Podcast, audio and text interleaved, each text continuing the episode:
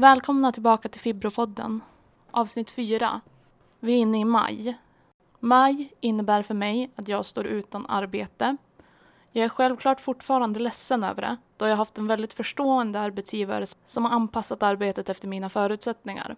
Just nu kan det dock vara bra för mig att vara arbetslös för att faktiskt hinna ta hand om mig själv och min vardag. Min läkare drog in alla mina mediciner, så jag håller på att försöka trappa ner på allt och mår mycket sämre än vanligt många dagar. Det känns ändå som att livet försöker få mig att tagga ner lite. Maj innebär också att vi är inne i fibromyalgimånaden. Och vi har ju faktiskt den 12 maj idag och det är ju den internationella fibromyalgidagen. Just på grund av att vi är inne i maj så vill jag göra ett litet speciellt avsnitt. Som jag tidigare berättat så vill jag att den här podden ska vara vår podd, inte min podd. Vi alla räknas, vi har alla olika erfarenheter och förutsättningar. Jag vill att alla ska få höras. Så om ni vill så får ni gärna skicka ett mail till fibropodd.gmail.com eller ett DM till Fibropodden på Instagram. Ni kan vara anonyma om ni vill, men ni kan även dela era egna konton så att fler hittar in till er och kan ta del av er vardag och djupdyka i era erfarenheter. Jag tror stenhårt på att vi kan hjälpa varandra och få tips av varandra. Vi står faktiskt helt enade i detta och det finns ingen som förstår mig som ni på Instagram gör. Idag har vi några lyssnarberättelser med oss. Vi ska lyssna till helt fantastiskt starka Malin och Sofias berättelser. Jag blev helt förundrad och tårögd då jag läste om båda deras liv. Jag kan inte förstå att de gått igenom allt det här. Jag har idag tagit hjälp av min sambo som kommer läsa upp Sofias berättelse. Men först så tänkte jag att vi lyssnar till Malins liv. Hej! Jag heter Malin och är en 37-årig mamma. Vissa av er känner mig som Fibromalin på Instagram. Jag har levt med kronisk smärta och osynliga sjukdomar i över 16 år. Allt började med en ryggskada 2004. Den resulterade i flera diskbråck mellan L4 och L5, ländryggen alltså, och har nu lett till kronisk nervskada. Jag är sedan 2017 diagnostiserad med fibromyalgi, ME, CFS, insomnia, borderline personlighetsstörning, migrän, depression, ångest, nervskador och PCOS. Eller nej, jag fick inte alla diagnoser samtidigt såklart. Men det är 2017 som listan uppdaterades senast. Jag kan till och med ha glömt någon diagnos, de är så många. Gemensamt för dem alla är att de inte syns. Tittar man på mig så ser man inte att jag är sjuk. Man ser att jag är tjock och konstig, men inte att jag är sjuk. Det är inte helt lätt, som de flesta vet, att leva med sjukdomar som inte syns. Det är ingen som ser kaoset inom mig på grund av min psykiska ohälsa. Ingen ser smärtan och tröttheten som fibron och MEn orsakar. Ingen ser kampen jag utkämpade i fyra år för att få min son. Men allt det där vet alla redan, så här kommer min historia. Jag är undersköterska och 2004 jobbade jag på kärlkirurgen i Stockholm. En dag så skulle jag och en kollega hjälpa en patient upp från sängen. Patienten hade akutopererats dygnet innan och den hade gett stora komplikationer. När vi hade fått upp patienten på benen så orkade benen helt enkelt inte med. Rummet vi befann oss i var väldigt litet så det hade kunnat sluta i total katastrof. Som undersköterska får man lära sig att aldrig ta emot utan man ska följa med den fallande personen och minska skador på så sätt. Men jag hade, i situationen som var, hamnat under patienten och blivit fastklämd. Jag valde helt enkelt att ta emot och få tillbaka patienten på sängkanten. Det är valet som resulterar i min ryggskada i ländryggen mellan L4 och L5. På grund av det så har jag haft flera diskbråck som nu blivit permanenta nervskador. Så började min karriär med kronisk smärta. Nu får vi hoppa fram några år, till 2011. Det var då som smärtan blev värre. Jag var under 2008 till 2012 sjukskriven på grund av psykisk ohälsa. Men nu började jag få värk också. Jag hade ont, hela tiden. Vissa dagar var så illa att jag knappt kom ur sängen. Det hade hänt förut såklart, men inte för att jag hade ont. Det hade varit för att jag inte orkade. Det blev svårt att gå, jobbigt att bära kassar från affären. Kläder kändes som bly och vattenstrålen i duschen gjorde vissa dagar så ont att jag grät när jag duschade. Vad var det som hände? Jag fattade ingenting. När jag och min man påbörjade resan mot att bli föräldrar 2012 så hade jag värk dagligen, migrän flera gånger i veckan, sov jättedåligt om jag glömde ta medicinen och var konstant trött. Men fortfarande förstod jag ingenting. De få gånger som jag sökte hjälp hos vården så möttes jag alltid av gå ner i vikt så löser sig alla dina problem. Och med alla så menar jag alla. Jag skulle sova bättre, slippa ha ont och jag skulle bli gravid bara F tittade på mig. Herregud vad allt skulle bli bra. För det finns inte en normalviktig, hatar det ordet, kvinna i hela världen som har problem. Nej, alla lever i en sagovärld där rådjuren sjunger för dig då du somnar. Dammiga bokhyllor är ett ont påhitt och alla spottar ur sig barn till höger och vänster helt utan bedövning eller andra komplikationer. Fast så är det ju inte. Men på grund av mina erfarenheter av sjukvården och framförallt primärvården kan jag villigt erkänna att jag inte direkt hade klippkort på vårdcentralen. 2015, i november, så gjordes det sista försöket till att bli förälder via IVF. Det tog sig och nio månader senare, i augusti 2016, så föddes min son. Graviditeten var fruktansvärd. Den har förstört min kropp, framförallt mina höfter för all framtid. Jag har fortfarande foglossningar, trots att han snart är fyra år. 2016 var även året som jag började slåss mot läkarna för att få ordning på mitt liv. Jag lyckades tjata till mig en MR på ryggen som kunde konstatera diskbråck och nervskador. Jag såg till att jag fick sömntabletter och smärtstillande. Efter att en period ha haft så svår smärta att jag sov max två timmar per dygn, vilket inte funkade så bra med en liten på fyra till sex månader. Men det skulle ändå dröja ett år innan jag fick träffa den läkare som gav mig en förklaring. Först i december 2017 fick jag diagnos fibromyalgi och ME-CFS. Då fick jag även tramadol utskriven. Men nu är det så här. Jag funkar inte riktigt som andra. Jag blir otroligt speedad på tramadol. Sover inte, blir motoriskt rastlös och överanstränger mig.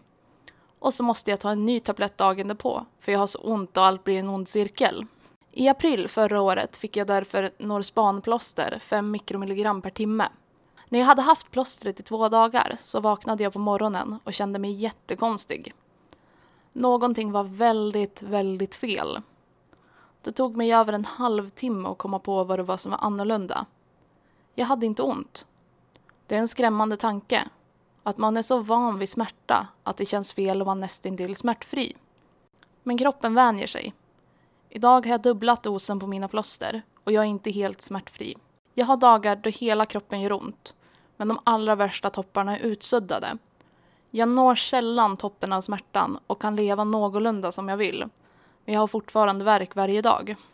Det som jag tycker är jobbigast, det är fibrodimman och att huvudet är så påverkat. Eftersom jag är en rätt intelligent kvinna, ödmjuk dessutom, så är det väldigt tungt att tappa ord, glömma saker och inte kunna koncentrera sig. Så som läget är idag så har jag bra dagar och dåliga dagar. Jag sover dåligt, i snitt 6,5 timmar per dygn uppdelat i tre omgångar och jag är väldigt trött hela tiden. Men jag kämpar på. Det är sällan jag gråter över hur det är, snarare tvärtom faktiskt. Jag har en ganska stor dos självironi och bjuder gärna på ett skratt på min bekostnad. Följer man mig på Instagram så vet man det. Livet blev kanske inte som jag tänkt mig. Satt inte direkt som tolvåring och önskade mig ett liv med kronisk smärta, trötthet och att bli ifrågasatt. Men än så länge har jag överlevt alla mina sämsta dagar. Jag är stark och jag tänker fortsätta kämpa. För mig själv och för alla andra som lever med samma problematik. Följ mig på Instagram, fibromalin, och ta del av min vardag där. Som jag nämnde tidigare så har vi även Sofias berättelse med oss här idag. Sofia hittar ni också på Instagram, på idasofia s. Hej! Jag heter Sofia och är 39 år. 1994 var jag 13 år och var med om en olycka på badhuset under lektionstid. Jag och en klasskompis hade två längder ryggsim kvar att simma. När vi var i den bortre änden så ser jag hur alla på motionscyklarna reser sig upp. Eftersom det bara är vi två i bassängen så måste jag vända på mig för att se vad det är som alla tittar på. Precis när jag vänt mig så smäller det till och jag tuppar av några sekunder och sjunker. En annan klasskompis hade hoppat från trampolinen och landat över min nacke och bröstrygg. När jag kommer ovanför ytan igen så skriker jag rätt ut. Jag känner inte mina ben! Han som hoppade på mig sprang för livet därifrån. Jag blev upplockad från vattnet och blev hämtad av ambulanspersonal som stabiliserade nacken. På sjukhuset röntgades jag och man kunde konstatera att det bara var musklerna som fått en smäll. Jag hade smärtor i nacke och bröstrygg hela tiden och sprang mycket hos skolsköterska och vårdcentralen under tonåren. Jag hade ju konstant ont. Man kan se i mina journaler att jag ofta varit på vårdcentralen och till slut skriver en läkare kan misstänka att det är psykiskt. Till slut tror jag själv att det inte är något fel på mig. Jag biter bara ihop. När jag var med om olyckan så sa alla det där växer bort. Det blir bättre om du tränar. Det var också starten till ätstörningar. Jag var på gymmet flera dagar i veckan. Jag åkte skidor och jag joggade.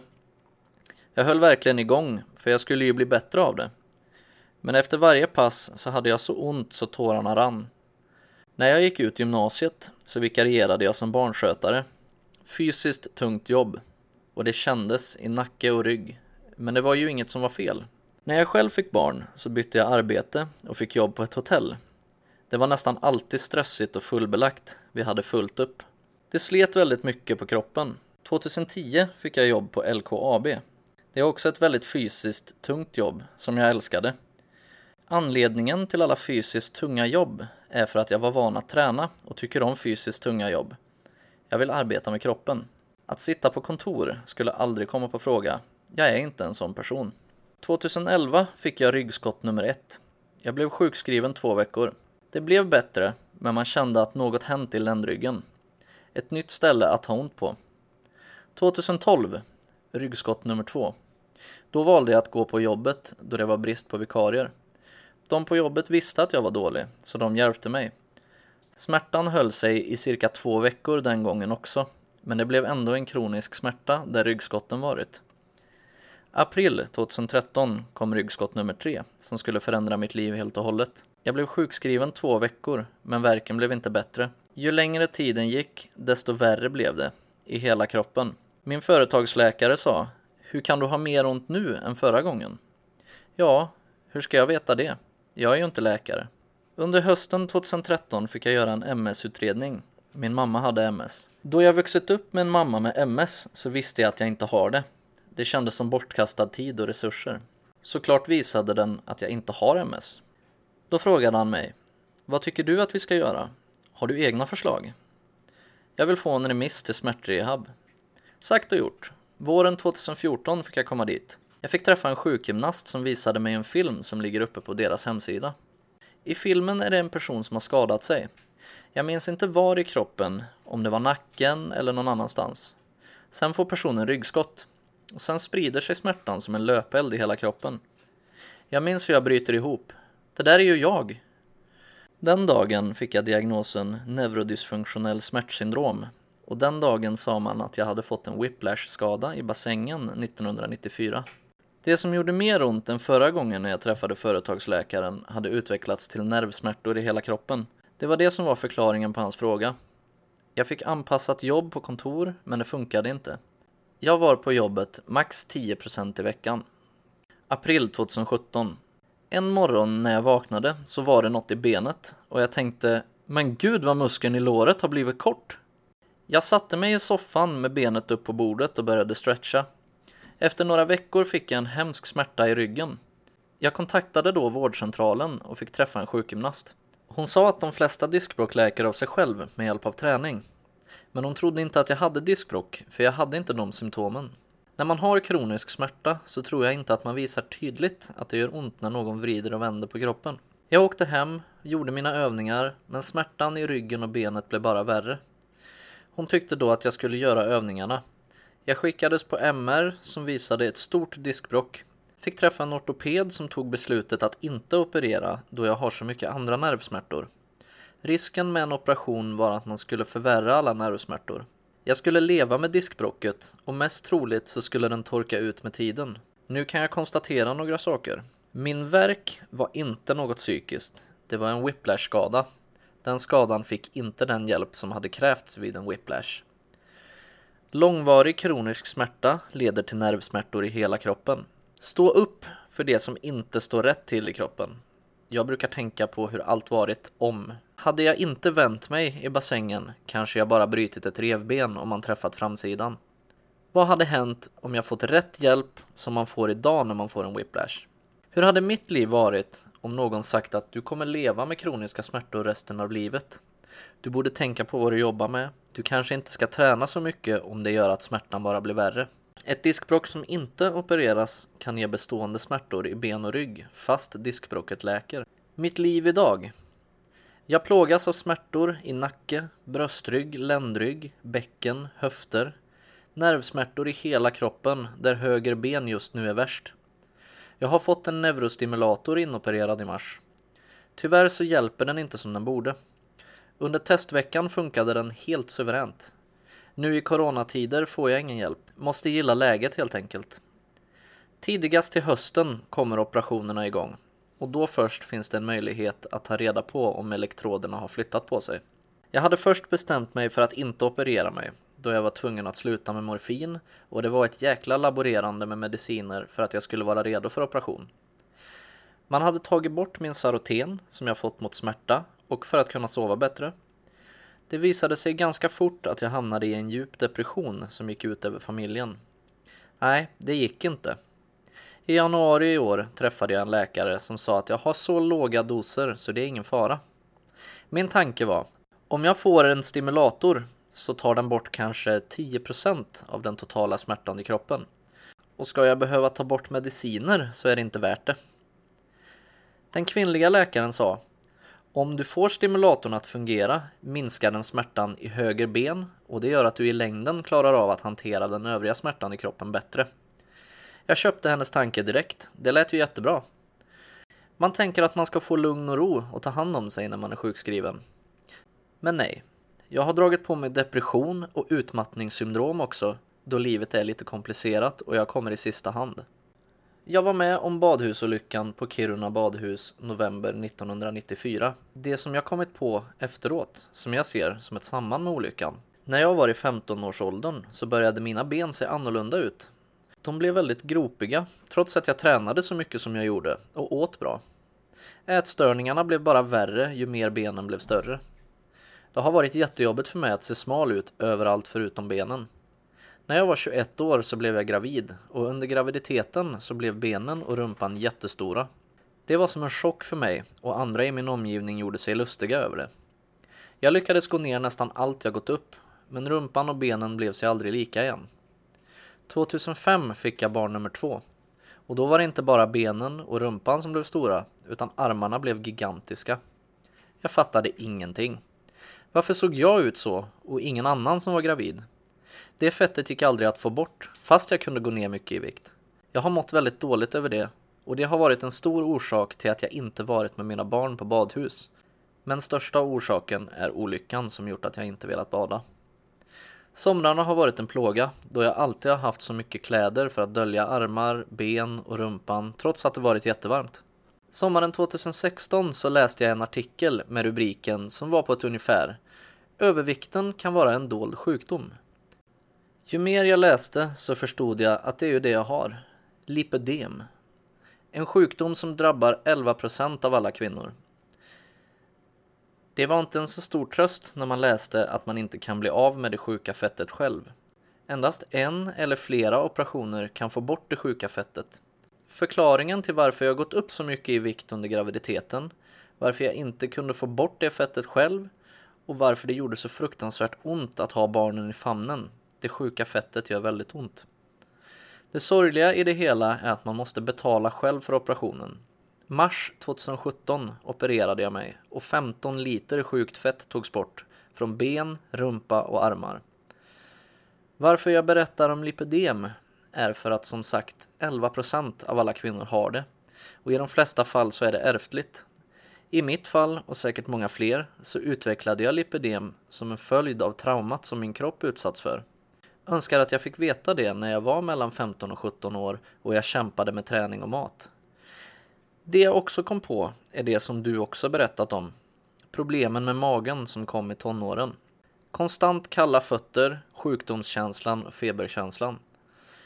Jag har under åren haft en hemsk huvudvärk som jag inte förstått mig på, men det visade sig vara migrän och den kommer i samband med att nacken är dålig. Jag har nästan alltid ont i halsen och det har jag fått förklarat för mig i Sunderbyn, att det är väldigt vanligt hos patienter med nackproblem. I höstas fick jag prata med en kurator då jag ska bli uppsagd från mitt jobb. Under det första mötet så hann vi avverka mycket av mitt liv. Hon frågade efteråt om jag har diagnosen posttraumatisk stresssyndrom. Nej, det har jag inte. Hon sa att när hon lyssnat på mig så har hon märkt att jag får en stark ångest av att dricka vatten, att höra vatten, att känna lukten av ett badhus. Klarar inte heller av att se och höra vatten på TV. Hon tyckte att jag skulle behöva få hjälp med det. Under de senaste sex åren har jag fått veta så mycket om mig själv. Bitar som fallit på plats. Många förklaringar till massor med tankar och funderingar som jag haft och kommit allt eftersom sedan 94. Det känns sorgligt att jag gått med sån ovisshet. Att det skulle behöva ta 20 år innan jag fick diagnosen whiplash-skada som jag skulle ha fått direkt och som varit roten till allt elände i min kropp. Tänk om jag som 15-16-åring vetat att jag har en sjukdom som gör att benen ser ut som de gör och att det inte är mitt fel. Migränen som jag inte visste att det var i så många år och att det berodde på nacken. Alla halstabletter som ligger i bilen, vid sängen, på tv-rumsbordet, i väskan, i fickorna, ja överallt, som också beror på nacken, som orsakar halsont vid ansträngning. Dubbelhakan som blivit större och större sedan jag var 15. Det hänger ihop med nackproblemen. Allt i min kropp har en enda röd tråd. Badhuset 1994. Hade jag tagits på allvar som 13-åring och fått rätt hjälp så hade kanske livet sett annorlunda ut. Det jag vill få fram med att berätta om det här är att jag kanske kan hjälpa någon annan som har alla de här problemen och ställer sig frågor som jag också gjort. Jag brukar säga till folk som skadat sig någonstans i kroppen. Se till att du får rätt hjälp. Ge inte upp om du känner att något inte är som det ska. Det är inte värt att gå med långvarig smärta som i sin tur blir nervsmärtor, för det är ett helvete. Förutom smärta så har jag fått utmattningssyndrom, konstant trött. Det värsta är nog ändå att inte ha någon social kontakt med omvärlden längre. Jag saknar att gå till jobbet som jag snart inte har kvar och som jag älskade.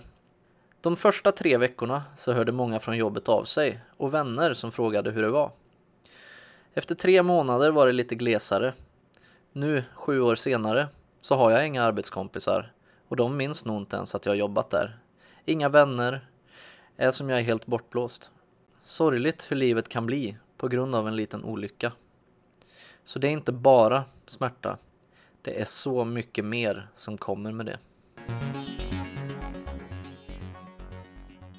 Tack Malin och Sofia. Alltså wow. Jag är på riktigt helt mållös över allt ni har gått igenom. Vilka fantastiskt starka kvinnor ni är. Och vilken oerhörd kamp ni båda två har haft. Jag kan faktiskt inte relatera till allt. Men jag kan förstå känslan och rädslan över hur det känns när man efter flera år av konstant smärta har en smärtfri dag, precis som Malin berättar om. Det är så himla skrämmande. Jag hade min första sån dag efter många, många år av konstant smärta för några veckor sedan och jag visste inte alls hur jag skulle hantera det. Jag berättade för min sambo hur läskigt och samtidigt bra det kändes. Det är en väldigt obehaglig känsla. Men just nu har jag inte den känslan mer för nu är det precis som som Malin säger också, kroppen vänjer sig. Nu tar inte behandlingen jag går på bort annat än topparna heller. Och just idag och även de senaste veckorna så är även min fibrodimma tung och som Malin säger så är det bland det tyngsta i det här. Jag hörde på mig själv i förra avsnittet att jag inte lät som vanligt. Jag sluddrade lite och sa fel många gånger på grund av dimman. Och jag har hört att det har blivit samma idag. Jag har sluddrat, jag pratar inte lika rent, jag tappar ord, jag glömmer ord. Ni skulle bara veta hur många omtagningar det har skett för att ens kunna spela in det här avsnittet. Jag har alltså en sån tung period just nu med både dimman och smärtan. Ni är båda fantastiskt starka och intelligenta kvinnor, Malin och Sofia. Ni har gått igenom mycket jag aldrig kan föreställa mig. Men jag tror säkert att några av ni som lyssnar kan relatera till Malin och Sofias berättelser. Glöm inte att följa dem på Instagram för daglig pepp, tips och inlägg om deras liv som just osynligt sjuka.